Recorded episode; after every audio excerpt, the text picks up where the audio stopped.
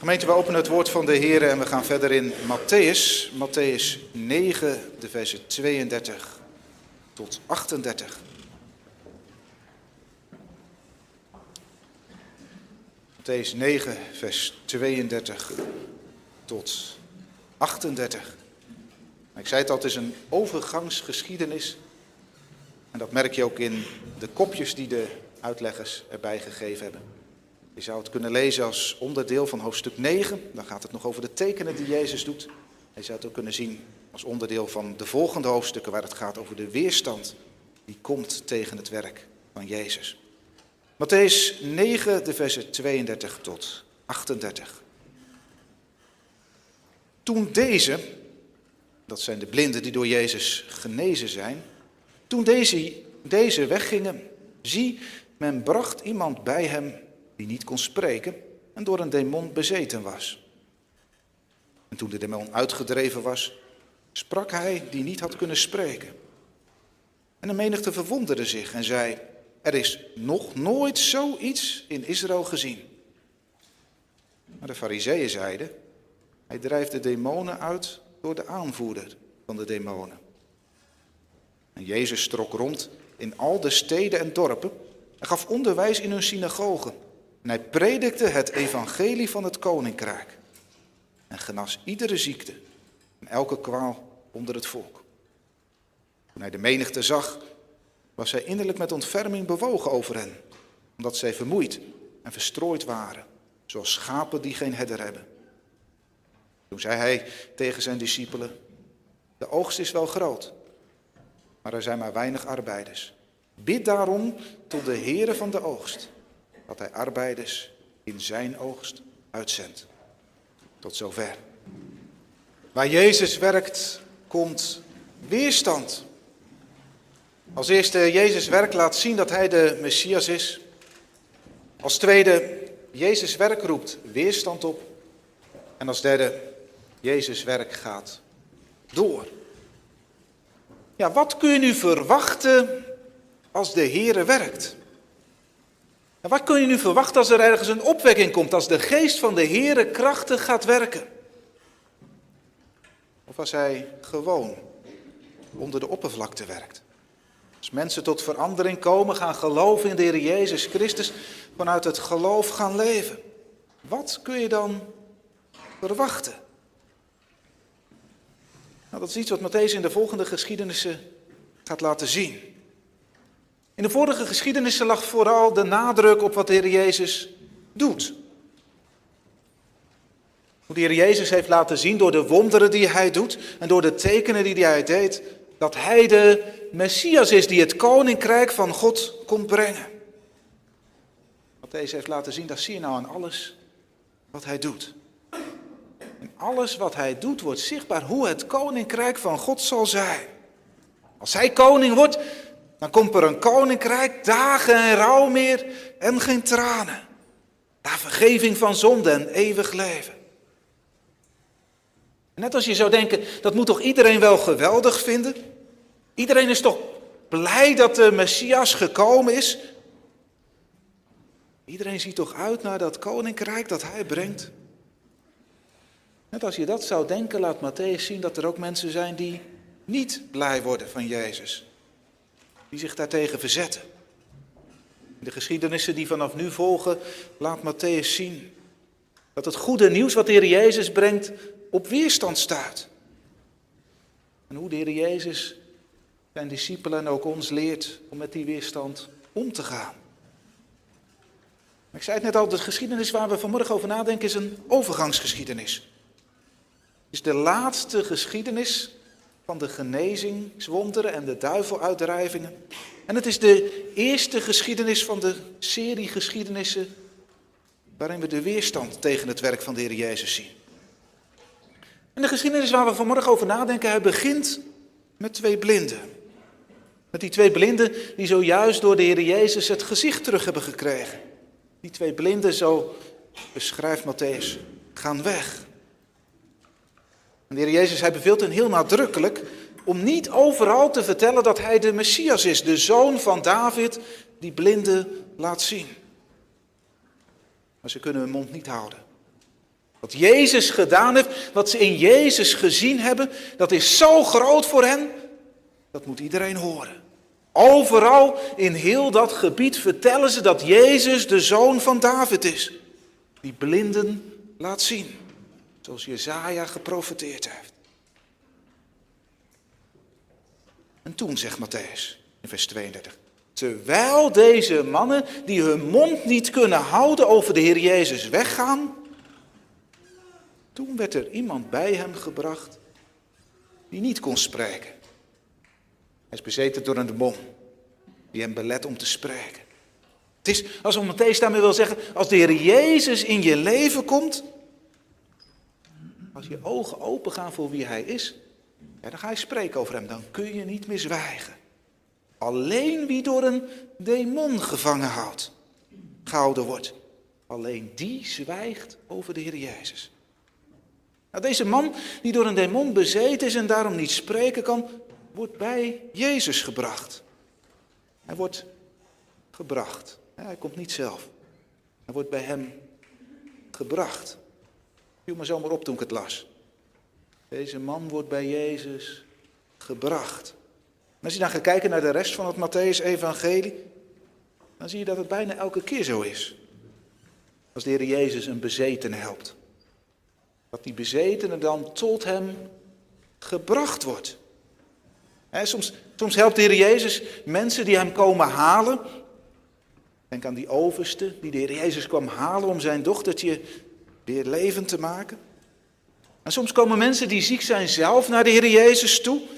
Denk maar aan die bloedvloeiende vrouw die naar de Heer Jezus toekomt omdat ze gelooft dat als ze de zoom van zijn kleed aanraakt dat ze dan genezen zal worden. Maar de Heer Jezus helpt ook mensen die bij hem gebracht worden. Die uit zichzelf nooit naar hem toe zouden gaan. Maar die door anderen worden meegenomen naar hem. Een bezetene, iemand die in de macht van de duivel is, die zal waarschijnlijk uit zichzelf nooit tot de Heer Jezus gaan.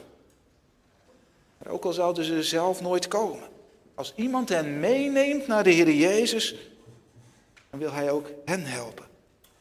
Kijk maar hier naar deze man. Die in de greep gehouden wordt door een demon en daarom niet spreken kan. Hij wordt tot de Heer Jezus gebracht en Jezus helpt hem. De Heer Jezus bevrijdt hem van de demon die hem gevangen houdt. En hij kan weer spreken. Je moest erover nadenken, ja, wat is dat eigenlijk bemoeien, bemoedigend. De Heer Jezus helpt niet alleen mensen die zelf tot hem komen. Hij helpt ook mensen die uit zichzelf nooit gekomen zouden zijn. Hij helpt ook mensen die tot hem gebracht worden. Is dat bemoedigend als je erover nadenkt? En misschien heb je ook wel mensen in je omgeving waarvan je merkt dat ze niets hebben met de Heer Jezus. Soms is dat heel dichtbij. En je eigen huwelijk of je eigen gezin. En wat kan dat pijn doen? Als je als vrouw de Heer lief hebt en je merkt, en mijn man die heeft er niets mee. Wat doet dat pijn als vader? Als je leeft met de Heer. En je gunt dat ook zo graag aan je kinderen. En tegelijkertijd merk je, mijn zoon, mijn dochter, die heeft daar niets mee. De Heere heeft zijn hart niet. Als je dat ziet, word dan niet moedeloos. Velen die door Jezus geholpen zijn, zouden nooit zelf naar hem toegekomen zijn. Ze worden door anderen tot hem gebracht. En ook hen die tot hem gebracht werden, maakte hij anders. Maakte hij anders. Dus als je daar nu mee zit, je kijkt met verdriet naar je man of vrouw, naar je kinderen. Of andere mensen die niets met Jezus hebben. Nou, breng ze dan maar bij Hem. Want Hij kan het anders maken. Hij kan maken dat ze gaan zien wie Hij is. Hij kan maken dat het een verlangen wordt om met de Heer te leven. Breng hen bij Jezus. Breng hen bij Jezus in het gebed. Ik zou willen zeggen, niet alleen in het gebed hem naar Jezus brengen. Neem ze ook mee naar de plaats waar Jezus is. Het heeft zin om je kinderen, die geen zin hebben om naar de kerk te gaan, mee te slepen naar de kerk. Want hier is Jezus. En Hij kan hen anders maken. Hij kan maken dat hun ogen opengaan. Dat ze gaan zien wie Hij is. En dat ze gaan verlangen om Hem te leren kennen en met Hem te gaan leven. Breng de mensen om wie je geeft. Die zonder Jezus leven, breng ze bij Hem. Van mensen die in de macht van de duivel zijn, kun je niet verwachten dat ze uit zichzelf naar de Heer gaan vragen. Juist waar de duivel macht heeft in de levens van mensen, daar zien ze niets in Hem. Daar hebben ze niks met Hem. Maar breng dan, als degene die het ziet, breng ze dan maar bij Jezus. Neem ze mee naar de plaatsen waar Hij is. Zoals hier, in de kerk. Want Hij kan hen anders maken. Als de Heer Jezus deze stomme man geholpen heeft door de demon uit hem te drijven, zodat hij weer spreken kan, dan reageren de mensen vol verwondering. Zoiets, zo zeggen ze in vers 33, zoiets is nog nooit in Israël vertoond. Dit is iets nieuws. Dit is iets wat nog nooit vertoond is. We zijn heel erg onder de indruk. Maar waarom? Waarom zijn ze zo diep onder de indruk? Is dat nou alleen maar omdat iemand die stom was nu weer kan praten? Is dat natuurlijk heel bijzonder. De Heer Jezus werpt hier een demon uit. Hij laat een stomme weer spreken. Maar de reden waarom de mensen hier zo onder de indruk zijn en het zo bijzonder vinden wat de Heer Jezus hier doet, gaat dieper dan dat. Roept voor hen de profetie van Jezaja naar boven. Profetie uit Jezaja 35, vers 5 en 6. Daar heeft de Heer gezegd, als ik ga werken, dan zullen de ogen van de blinden worden opengedaan. De oren van de doven zullen worden geopend. Dan zal de kreupele springen als een het en de tong van de stomme zal juichen.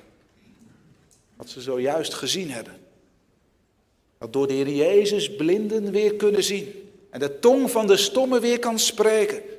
Dat is door Jezaja geprofeteerd als een teken wat gebeuren zal. Als de Heere weer gaat werken onder zijn volk.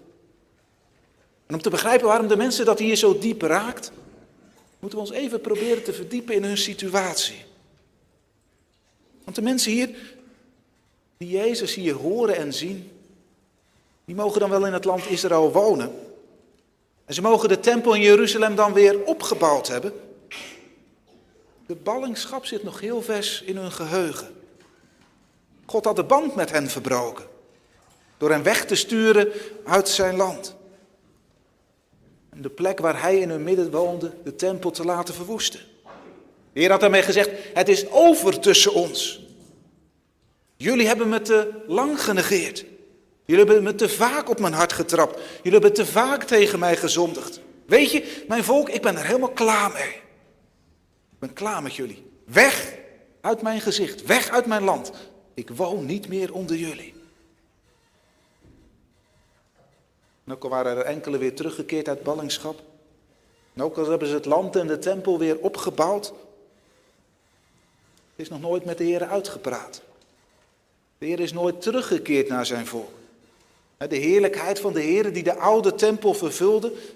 En die de Heer teruggetrokken had toen hij zich terugtrok van het volk. De heerlijkheid van de Heer is nooit in die nieuw gebouwde tempel gekomen. Daarom zat het volk nog steeds met de vraag: ja, wat moet er nou gebeuren om het weer goed te maken tussen de Heer en ons? Wat moet er nu gebeuren? Wil de Heer weer in ons midden wonen en onze God zijn? Zal het ooit nog goed komen tussen God en ons? Ja, zo had Jezaja geprofiteerd. Ja, het zal goed komen. Ook al hebben jullie het helemaal bij de Heeren verknald. Ook al hebben je gemaakt dat de Heer niets meer met jullie te maken wil hebben. De Heere zal terugkomen. Hij zelf zal ervoor zorgen dat het weer goed komt tussen hem en jullie. Dat is de heerlijke boodschap, hoopvolle boodschap die klinkt in Jezaja 35. Daar had Jezaja het geprofeteerd. Het zal gebeuren dat jullie hart wat nu dor is als een woestijn dat dat zal gaan bloeien als een roos. Dan, zo zegt de Heer in Jesaja 35, dan zullen jullie de heerlijkheid van de Heer zien. De glorie van onze God. Versterk daarom de slappe handen. Verstevig de wankele knieën. Zeg tegen de onbedachtzame van hart, wees sterk, wees niet bevreesd. zie, hier is uw God. God zal wraak nemen op jullie vijanden. Hij zal voor jullie opkomen en jullie vergelden. Hij zal komen en jullie verlossen. Dan zullen de ogen van de blinden worden opengedaan. De oren van de doven zullen worden geopend. Dan zal de kreupele springen als een het. De tong van de stomme zal juichen. Want wie door de Here zijn vrijgekocht, zullen terugkeren. Ze zullen Sion binnenkomen met gejuich. Eeuwige blijdschap zal op hun hoofd zijn. Vreugde en blijdschap zullen zij verkrijgen. Verdriet en gezucht zal daar niet meer zijn. Nou, dat is waarom de mensen die zien wat de Heer Jezus hier doet zo verwonderd zijn. Ze zien voor hun ogen dat het moment waarover Jezaja geprofeteerd heeft is aangebroken. Dan zullen de ogen van de blinden geopend worden. Dan zullen de stommen weer spreken. We zien het hier voor hun eigen ogen gebeuren. Ze kijken naar Jezus en ze zien wat Hij doet. En daarin zien ze dat God bezig is terug te keren tot zijn volk. In de tekenen die Jezus doet, zien ze dat God hen opzoekt. En tegen hen zegt, mijn volk, ik wil verder met jullie. Jullie mogen mijn volk weer zijn. Ik zal jullie mijn heerlijkheid laten zien. De heerlijkheid die de oude tempel vervulde. Die liet zien dat de Heere woonde in het midden van zijn volk. Ik zal jullie die heerlijkheid laten zien. Ik zal weer onder jullie wonen. Ik zal jullie eeuwige blijdschap en vreugde geven. De vreugde en blijdschap die er is als ik bij jullie woon. En alles wat tussen ons in staat, alles wat goed gemaakt moet worden, willen we verder kunnen. Wat zal ik nou zelf uit de weg ruimen? Ik zeg, ik zal, zo zegt de Heer in Jesaja 35, ik zal jullie verlossen. Ik zal jullie vrijkomen. Nou, dat is waarom de mensen zich hier verwonderen. Dat is waarom de mensen zeggen dat zoiets in heel Israël nog nooit vertoond is. Ze zien voor hun ogen gebeuren dat God is teruggekeerd naar zijn volk. Verwonder jij je er ook over? Verwonder je erover dat God je opzoekt? Dat Hij naar je toe komt? Dat Hij een relatie met je aan wil gaan? Dat Hij je voor eeuwig wil liefhebben? Ik denk niet dat de mensen die hier staan begrepen hebben wat de Heer Jezus bedoelde. Toen het ging over verlossen en vrijkopen. Wij weten dat wel. En wij weten wat de prijs is waarmee God ons vrijgekocht heeft. Heeft het leven van de Heer Jezus gekost. Om onze zonden uit de weg te ruimen. Die een goede relatie tussen God en ons in de weg stonden. Als je dat ziet, wat past daarbij verwondering? God komt naar ons toe. Ondanks alle redenen die wij hem gegeven hebben om niets meer met ons te maken te willen hebben. Hij komt naar ons toe om kosten wat het kost. Weer een relatie met ons aan te gaan. Als je dat nou ziet, hoe kun je dan niet geraakt worden? Hoe kun je daar nou niet verwonderd over zijn? Dan als tweede punt. Jezus werk roept weerstand op. Maar niet iedereen is verwonderd als ze zien wat Jezus doet. Sommige mensen reageren juist vol afwijzing, vol weerstand op wat de Heer Jezus hier laat zien. We lezen in vers 34, maar de fariseeën zeiden, hij drijft de demonen uit door de aanvoerder van de demonen. Wat Jezus doet, ze zeggen de fariseeën, dat komt niet bij God vandaan, dat komt bij de duivel vandaan. Hij probeert jullie te verleiden, zo zeggen ze tegen het volk. Hij probeert jullie wijs te maken dat God terugkomt en dat het weer goed is tussen hem en zijn volk. En dat hij dat gaat doen. Nou, geloof hem niet. Laat je niet door hem verleiden. Want wat hij hier doet, dat komt niet bij God vandaan. Komt bij de duivel vandaan. Waarom reageren de fariseeën zo? Hebben ze dan niet gezien wat Jezus zojuist gedaan heeft? Hebben ze dan niet gezien dat Jezus blinden het gezicht teruggeeft en een stomme weer laat spreken zoals Josaja voorzegd heeft? Ja, natuurlijk hebben ze dat gezien. We kunnen dat niet ontkennen, dat die blinden weer kunnen zien en die stomme kunnen spreken. Dat hier iets bovennatuurlijks gebeurt, kunnen ze niet ontkennen. Daar kunnen ze niet omheen. Maar in plaats voor Jezus te buigen, in plaats met de andere mensen blij en verwonderd te zijn dat God zijn volk weer opzoekt en weer een relatie met hen aan wil gaan, in plaats daarvan maken ze het verdacht. Het is niet van God, het is van de duivel. Waarom doen ze dat? Waarom is dit nu hun reactie op de Heer Jezus? Maar eigenlijk is het antwoord heel eenvoudig. Ze doen dit omdat, het, omdat wat de Heer Jezus hier doet niet past bij hoe zij denken. En de fariseeën hebben een hele zaal opgetuigd met eigen gewoonten en gebruiken, met ongeschreven regeltjes, met een eigen soort van vroomheid. En ze denken dat ze het daarmee wel goed doen voor God. En ze denken, als iedereen tot onze zaal zou toetreden, als iedereen zou leven zoals wij, als iedereen zou geloven zoals wij dat doen, nou dan is God tevreden met ons. Dan zal hij de Messias sturen. En die Messias zal ons verlossen van de Romeinse overheersers. En dan zal de Messias een koninkrijk oprichten waar iedereen leeft zoals wij. Nou, dat is waarom ze weerstand ervaren tegen de Heer Jezus. Want Jezus past zich niet aan aan hen. Jezus vraagt van hen dat zij zich aanpassen aan Hem. En dat willen ze niet. Nooit. Toegeven dat ze fout zitten. Toegeven dat God niet tevreden is met hoe zij het doen. Met hoe zij leven. Toegeven dat het anders moet worden. Dat ze vergeving nodig hebben. Dat ze Jezus nodig hebben. Dat ze moeten worden zoals Hij is. Dat nooit. Vol weerstand verzetten ze zich tegen alles wat anders is dan hoe zij denken dat het moet zijn. Het moet op onze manier. En anders is het niet van de Heer, dan is het van de duivel. Weet je, misschien herken je vanmorgen die weerstand wel. Je hebt niets tegen God. Je wil best met hem leven. Maar hij moet niet gaan zeggen dat ik het verkeerd doe. Hij moet niet gaan zeggen dat zoals ik ben, dat dat niet oké is. Dat ik veranderen moet. Want dat doe ik niet. Dat doe ik nooit. Soms komt die weerstand omdat jouw leven beoordeeld wordt door wat de Bijbel zegt. Je hoort wat de Bijbel zegt, wat er staat en je voelt verzet opkomen. Dit kan niet waar zijn, denk je. Dit past niet bij hoe ik het voel. Dit past niet bij hoe ik het zie. Dit past niet bij hoe ik leef.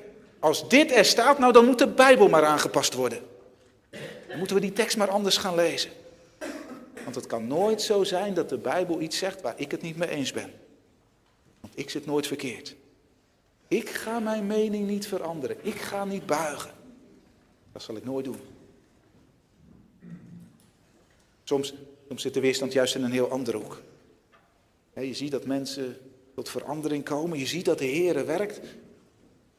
En je voelt, ja, bij die mensen verandert echt iets. En even flitsen door je hoofd. Zou de Heer hier aan het werk zijn? Maar hoe die mensen tot verandering komen, hoe ze tot geloof komen, ja, het gaat zo anders dan dat je altijd gehoord hebt. Hoe de Heer werkt. Het borrelt van binnen, alsof dat zo makkelijk gaat. Alsof iedereen zomaar tot de Heer Jezus mag komen. En alsof dat dan genoeg is, de Heere vertrouwen. Alsof meer niet nodig is. Dan moet je die mensen zien die zogenaamd tot geloof gekomen zijn. Als het echt was in hun leven, dan zouden ze wel. Wanneer je gedacht hebt in een heel waslijstje van dingen die ze dan wel anders zouden doen. Als ze echt bekeerd waren. Ook al kun je niet vertellen waar dat waslijstje vandaan komt uit de Bijbel. Nee, zeg je, dit is niet van de Heer. Dit kan ik rustig negeren. Ik kan rustig doorleven zoals ik doe. Onbekeerd, zonder God. Want dit is niet hoe de Heer werkt. Hier hoef ik niks mee. Maar wat nu? Wat nu als het wel van God is? Wat nu als God anders werkt dan jij denkt? Wat nu als God zich niks aantrekt van wat jij vindt? Als God niks aantrekt van hoe jij denkt dat Hij is en hoe Hij werkt? Wat nu als jij door niets te doen met wat je ziet van Hem, Hem verwerpt en daarmee zijn toren over je afroept? Als je nou iets ziet van het werk van de Heer, als je voelt dat de Heer aan het werk is, geef je daar dan een over. Buig dan voor Hem. En nu op dit moment staat de Heer Jezus voor je. Hij komt tot je door zijn woord. Laat alles wat je bij Hem weghaalt. Laat alles wat je bij Hem weghoudt los. En geef je over aan Hem. Geef je verzet tegen de Heer Jezus op. En buig voor Hem. Laat Hem zijn werk doen op zijn manier. Maar deze geschiedenis is niet alleen een waarschuwing tegen de fariseeën. Pas op dat je niet bent als een fariseer die Jezus en zijn werk verwerpen. Maar het is ook een bemoediging voor de mensen die de Heer Jezus lief hebben. De Heer Jezus die laat hiermee zien dat het heel normaal is dat zijn werk weerstand oproept. Als de Heer Jezus werkt in je leven, als de Heer Jezus werkt in onze gemeente, nou, dan kun je weerstand verwachten. Weerstand niet alleen van mensen die niets met de Bijbel op hebben, maar ook weerstand van mensen die als vroom en godsdienstig te boek staan. Net als de fariseeën. Misschien herken je het wel. je leefde zonder God. Je was niet echt met hem bezig. En je familie, die hoorde je daar nooit over. Maar toen je de stem van de Heer hoorde, toen je ogen open gingen voor wie Hij is, toen je tot geloof kwam en over Hem ging spreken, toen kwam er opeens weerstand. Je familie die er prima mee kon leven, dat je openlijk zonder de Heer leefde, zolang je maar wat aan, aan wat uiterlijkheden hield, en zolang je maar van de juiste kerk lid was, die begint nu je met de Heer wil leven, opeens te waarschuwen.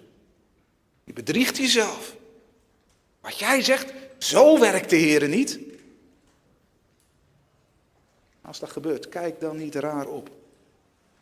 Dat hoort erbij. Maar de Heer Jezus werk zal Satan er alles aan doen om zijn werk verdacht te maken. Want als het werk van de Heer verdacht gemaakt wordt, dan hoef je er niks mee. Dan kun je blijven leven zoals je doet. Dan hoef je er niet voor te buigen. Dan kun je gewoon onveranderd jezelf blijven. Duivelswerk, zo zeggen de fariseeën. Als ze zien wat Jezus doet. En dat brengt ons bij ons derde punt. Jezus' werk gaat door. Ja, wat doet de Heer Jezus als hij ziet dat zijn werk zo'n weerstand oproept? Als zijn werk zelfs als duivelswerk wordt weggezet? Als je probeert een beetje in te leven in de Heer Jezus, wat zal het een pijn gedaan hebben? Wat zie je zeggen? Ze zeggen dat hij geen kind van God is. Ze zeggen dat hij zijn vader niet lief heeft. Ze zeggen dat God zo niet werkt. En wat zal de Heer Jezus een pijn gedaan hebben?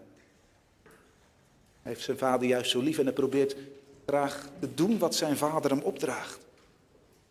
Als je zelf van die opmerkingen naar je hoofd gekregen hebt, dan weet je hoeveel pijn dat kan doen.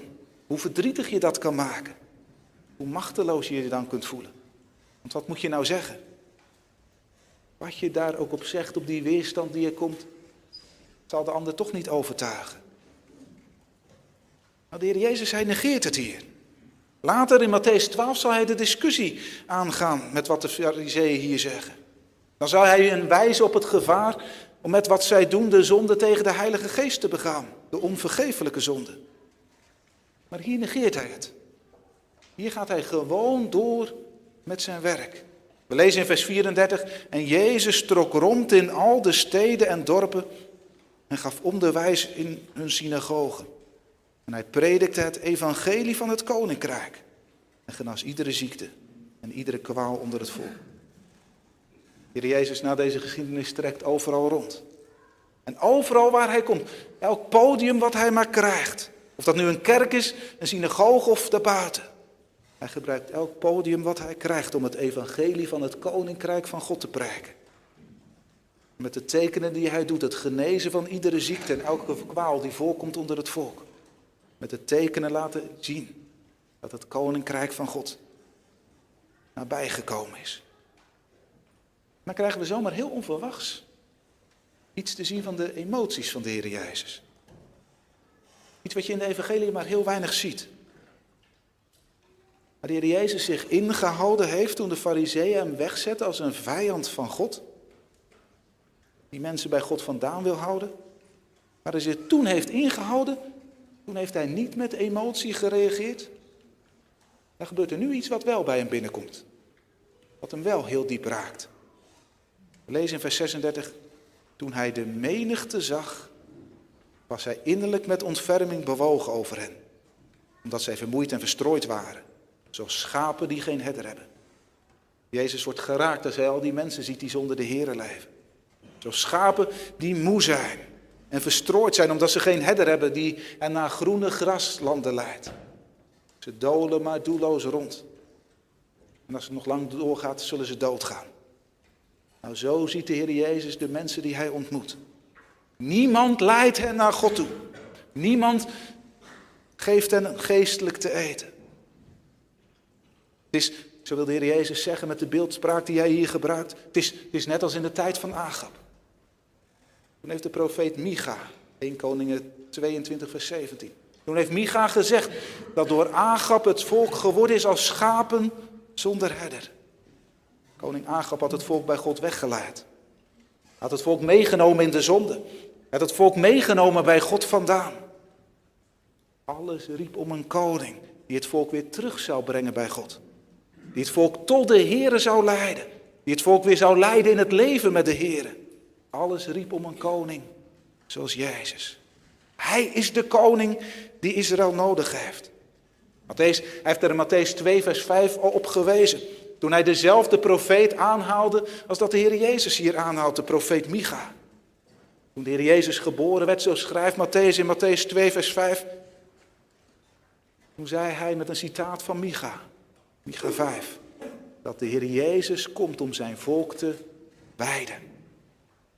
Hij, de Heer Jezus, is de herder van Israël. Hij zal komen om de verstrooide schapen van Israël bijeen te brengen. Hij zal hen leiden tot de Heer. Hij zal hen leiden in een leven met God. Hier in de bewogenheid van de Heer Jezus horen we de profetie van Ezekiel 34 doorklinken. Waar het ook gaat over herders die het volk leiden. Ik denk dat de Heer Jezus hier heel bewust op zin speelt. Wat lezen we dan in Ezekiel 34, vers 10 tot 16? Nou, daar klinkt de profetie als volgt. Zo zegt de Heere, Heere. Ik zal die herders die mijn schapen niet weiden, in een leven met mij. Ik zal ze wegdoen. Ik eis mijn schapen op uit hun hand. Ik zal hen doen ophouden met het weiden van de schapen. Die herders zullen zichzelf niet meer weiden. En ik zal mijn schapen uit hun mond redden, zodat zij niet meer tot voedsel zullen zijn. Want zo zegt de Heer, Heer, zie, ik zal zelf naar mijn schapen vragen en naar hen op zoek gaan. Zoals een herder op zoek gaat naar een kudde. Op de dag dat hij ziet dat de schapen verstrooid zijn. Zo zal ik op zoek gaan naar mijn schapen. Ik zal ze redden uit alle plaatsen waarheen ze verspreid zijn. Ik zal ze uitleiden uit de volken. Ik zal ze bijeenbrengen uit de landen en ze brengen naar hun land. Ik zal ze wijden op de bergen van Israël bij de waterstromen en in alle bewoonbare plaatsen van het land. In goede weiden zal ik ze weiden. En op de hoge bergen van Israël zal hun weideplaats zijn. Ze zullen daar neerliggen in goede weideplaatsen. En ze zullen grazen in de voortreffelijkste weiden op de bergen van Israël. Ik zelf zal mijn schapen weiden en ik zelf zal ze doen neerliggen. Spreek de Heere, Heere. Het verlorene zal ik zoeken. Het afgedwaalde zal ik terugbrengen. Het gebrokene zal ik verbinden. En het zieke zal ik versterken. Maar zij die tevreden zijn met zichzelf, zij die zo sterk zijn dat ze mij niet nodig hebben, die zal ik wegvagen. Ik zal mijn schapen weiden, zoals het hoort. Nou, hier is God, die in de Heer Jezus komt om waar te maken wat hij in Ezekiel beloofd heeft. Hier in de Heer Jezus zien we God, die gekomen is om zijn volk te wijden. We dan de bewogenheid zien van de Heer Jezus. Wanneer de Heer Jezus kijkt naar al die mensen die geen herder hebben, die hen tot God leidt. Dan horen we bewogenheid die we horen klinken in de profeet Ezekiel. Het verlorene, dat zal ik zoeken. De afgedwaalde, die zal ik terugbrengen. Gebrokenen zal ik verbinden. De zieke zal ik versterken. Vol bewogenheid zien we de Heer Jezus kijken naar al die mensen die hij ziet die zonder de Heer leven. Zo'n grote oogst. Zoveel mensen om tot God te leiden. En zo weinig arbeiders. Bid, zo zegt hij in vers 38. Bid daarom de Heere van de oogst, dat hij arbeiders in zijn oogst uitzendt. Bid om arbeiders, zodat al die mensen tot God geleid zullen worden. Heer Jezus, hij is bewogen met mensen die niemand hebben, die hem tot God leidt. Dat bij jou? Ben jij bewogen? Mensen tegenkomt die zonder de Heer leven? Als ik het aan je kinderen zou vragen, hoe jij met hen spreekt over het geloof, wat zullen ze dan zeggen? Zeggen ze, nou mijn moeder die laat me vrij om te leven zoals ik zelf wil. En eigenlijk hebben we het nooit over geloof of dat ik veranderen moet. Zeggen ze over jou, ja mijn vader die loopt altijd te zeuren over dat dit niet mag en dat niet mag. Het enige wat hij kan zeggen is wat er allemaal moet en wat niet mag. Of zullen ze zeggen, ik merk aan mijn vader, ik merk aan mijn moeder dat ze zich zorgen maken over mij, omdat ik de Heer nog niet ken. Ik merk dat ze me dat heel erg gunnen. Dat het hen verdriet doet, dat ik daar niet zo mee bezig ben. Als ik aan uw kinderen zou vragen, wat zullen ze dan zeggen over jou? Proeven ze dat je bewogen met hen bent? Of ben je niet bewogen met hun zielenheil? Als we het allemaal breder trekken, hè, je familieleden die zonder de Heer leven, de collega's die niet kerkelijk zijn, die wel kerkelijk zijn, maar je merkt aan hen dat ze de Heer niet kennen. Ben je bewogen met hen? Raakt het jou dat ze verloren gaan? Dat ze zo doorleven? En merken ze dat ook aan jou? De Heer Jezus is bewogen met mensen die niemand hebben die hen tot Jezus leidt. Die hen de weg wijst naar de Heer en hen leert hoe ze met de Heer moeten leven. De Heer Jezus, als hij al die mensen ziet die zonder God leven, is met innerlijke ontferming over hen bewogen. Bid, houdt hij zijn discipelen voor, bid daarom de Heer van de oogst dat hij arbeiders in zijn wijngaard zal zenden. Dat er mensen zullen komen die deze verloren zielen de weg zullen wijzen naar de Heer. Nou, als de Heer nou de opdracht geeft om te bidden tot de Heer van de oogst, of hij in zijn oogst arbeiders wil uitzenden. Aan wie geeft de Heer Jezus de opdracht om daarom te bidden? Nou, vers 37 laat het ons zien. De Heer Jezus geeft die opdracht aan zijn discipelen. Hij zegt dat tegen mensen die hij straks erop uitzendt om arbeider in zijn wijngaard te zijn.